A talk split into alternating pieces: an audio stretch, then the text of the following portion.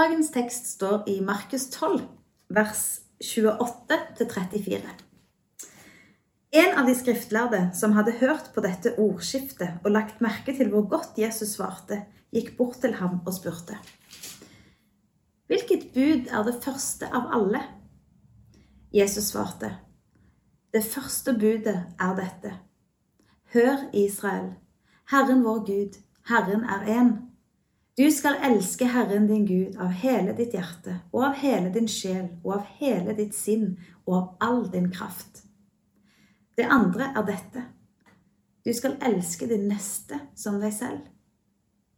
Ikke noe annet bud er større enn disse. Den skriftlærde sa til ham, Du svarer godt, mester. Det er sant som du sier, Herren er én, og det er ikke noen annen enn ham. Å elske ham av hele sitt hjerte og av all sin forstand og av all sin kraft, og å elske sin neste som seg selv, det er mer verdt enn alle brennoffer og andre offer. Da Jesus hørte hvor klokt han svarte, sa han til den skriftlærde, Du er ikke langt borte fra Guds rike. Og ingen våget å spørre ham mer. Vi er kommet til søndagen den 31. juli. Og så har vi fått lest teksten for denne dag, som er Markus 12, 28-34. Det er Jesus som tar for seg noe av det absolutt viktigste i teksten i dag. Han snakker om å elske Gud og å elske sin neste.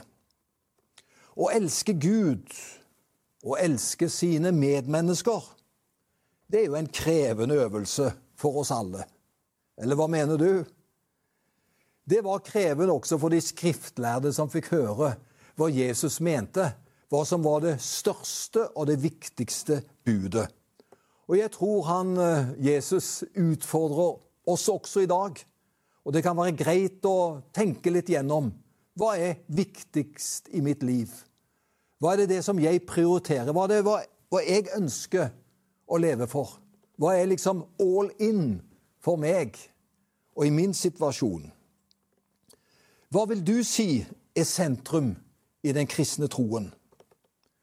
Hvis jeg hadde spurt deg om det Du, si meg nå hva som du mener er sentrum i den kristne troen. Da regner jeg med at du sannsynligvis og forhåpentligvis vil svare det absolutte sentrumet for meg, det er Jesus Kristus. Og det er jo helt rett, det. Jesus er det sentrale. Det er han det dreier seg om. Tar vi han bort, så har vi ingenting igjen. Så Jesus er absolutt sentrum i den kristne troen. Men om vi skulle svare Nei, jeg mener at kjærlighet også er et treffende svar på hva som er sentrum i den kristne troen, så er det også et ålreit svar.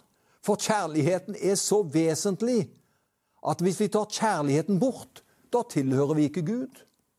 Og da har vi også problemer med våre medmennesker. Så kjærligheten er absolutt sentrum i den kristne troen.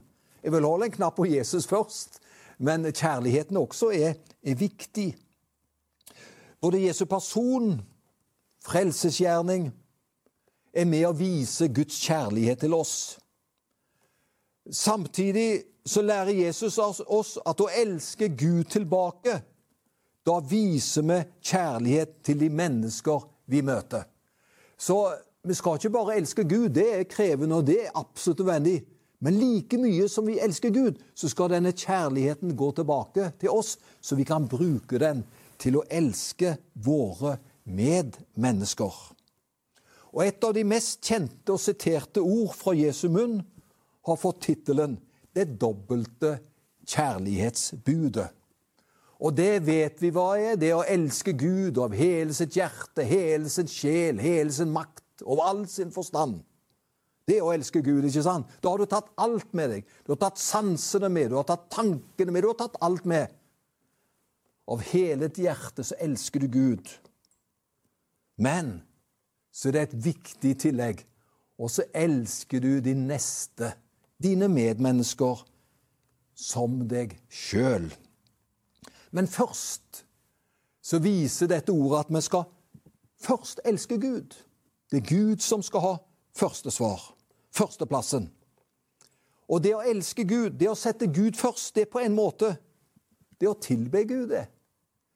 Hvis du elsker Gud mer enn alt annet, av hele ditt hjerte, så elsker du Han av all din sjel.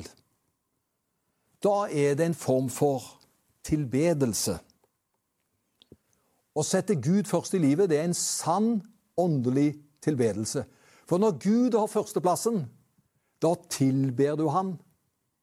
Da sier du, 'Gud, det er ingen som kan konkurrere med den oppmerksomheten du skal ha. Jeg er forelska.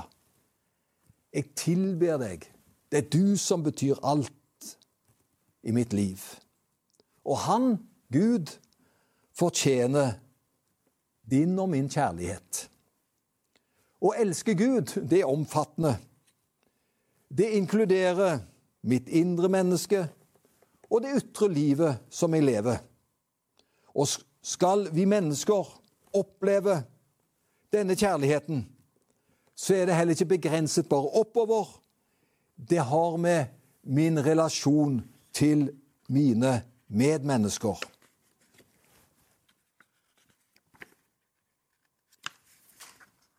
Ser dere at jeg har problemer nå med å finne neste side?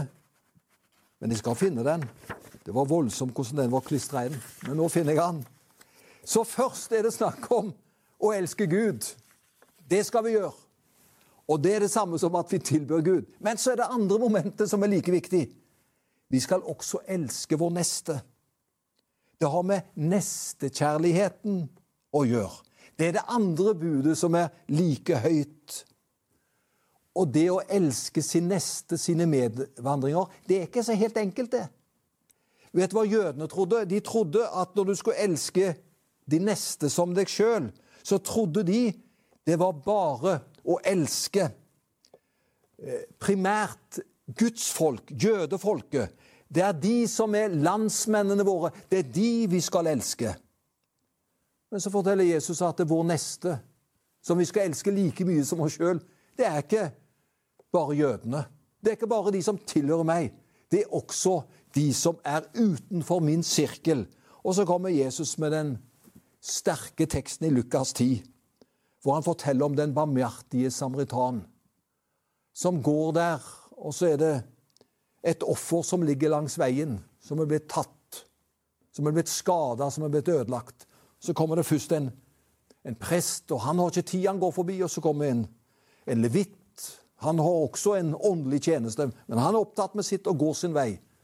Og så kommer samaritanen, som ikke engang tilhørte dette folket, men han hadde et hjerte som brant. Og Derfor bruker Jesus den barmhjertige samaritan som eksempel på hvordan vi skal se på og behandle våre mennesker. Kjærligheten til Gud den skal vi bruke til våre medmennesker, og den gjelder for alle mennesker. Så å elske sin neste som seg sjøl, det er en krevende øvelse. For det har med å sette de andre like høyt som vi setter oss sjøl. Og nå vil jeg utfordre meg sjøl og oss på det. Hvordan ser vi på våre omgivelser? Hvordan ser man på innvandrerne i dette landet? Hvordan ser vi på de som på en måte lever et annerledes liv enn det vi lever? Guds kjærlighet, om vi setter Gud først, så får det også konsekvenser på hvordan vi lever overfor vår neste. Å elske de neste som deg selv. Og i neste begrepet, der er alle inkludert. Derfor må Gud hjelpe oss, at vi kan leve slik at det dobbelte kjærlighetsbudet det er noe som preger livet vårt og vår hverdag.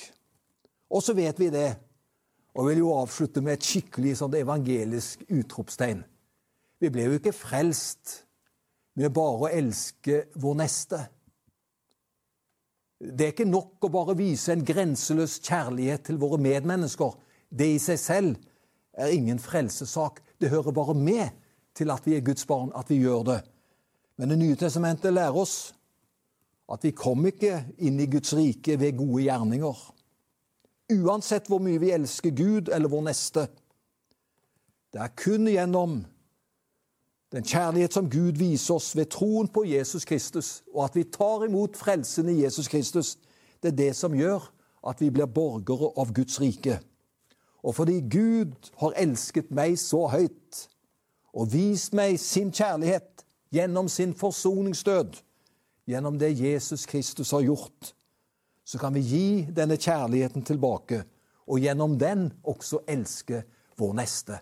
Og Gud velsigne deg. Eh, vi er eh, litt langt ute i ferien, men det er kanskje fortsatt ferie. Men ha det godt der du er. Må Herren være med og styrke oss til ånd, sjel og kropp. Og så tar vi helt til slutt med oss velsignelsen. Herren velsigne deg og bevare deg.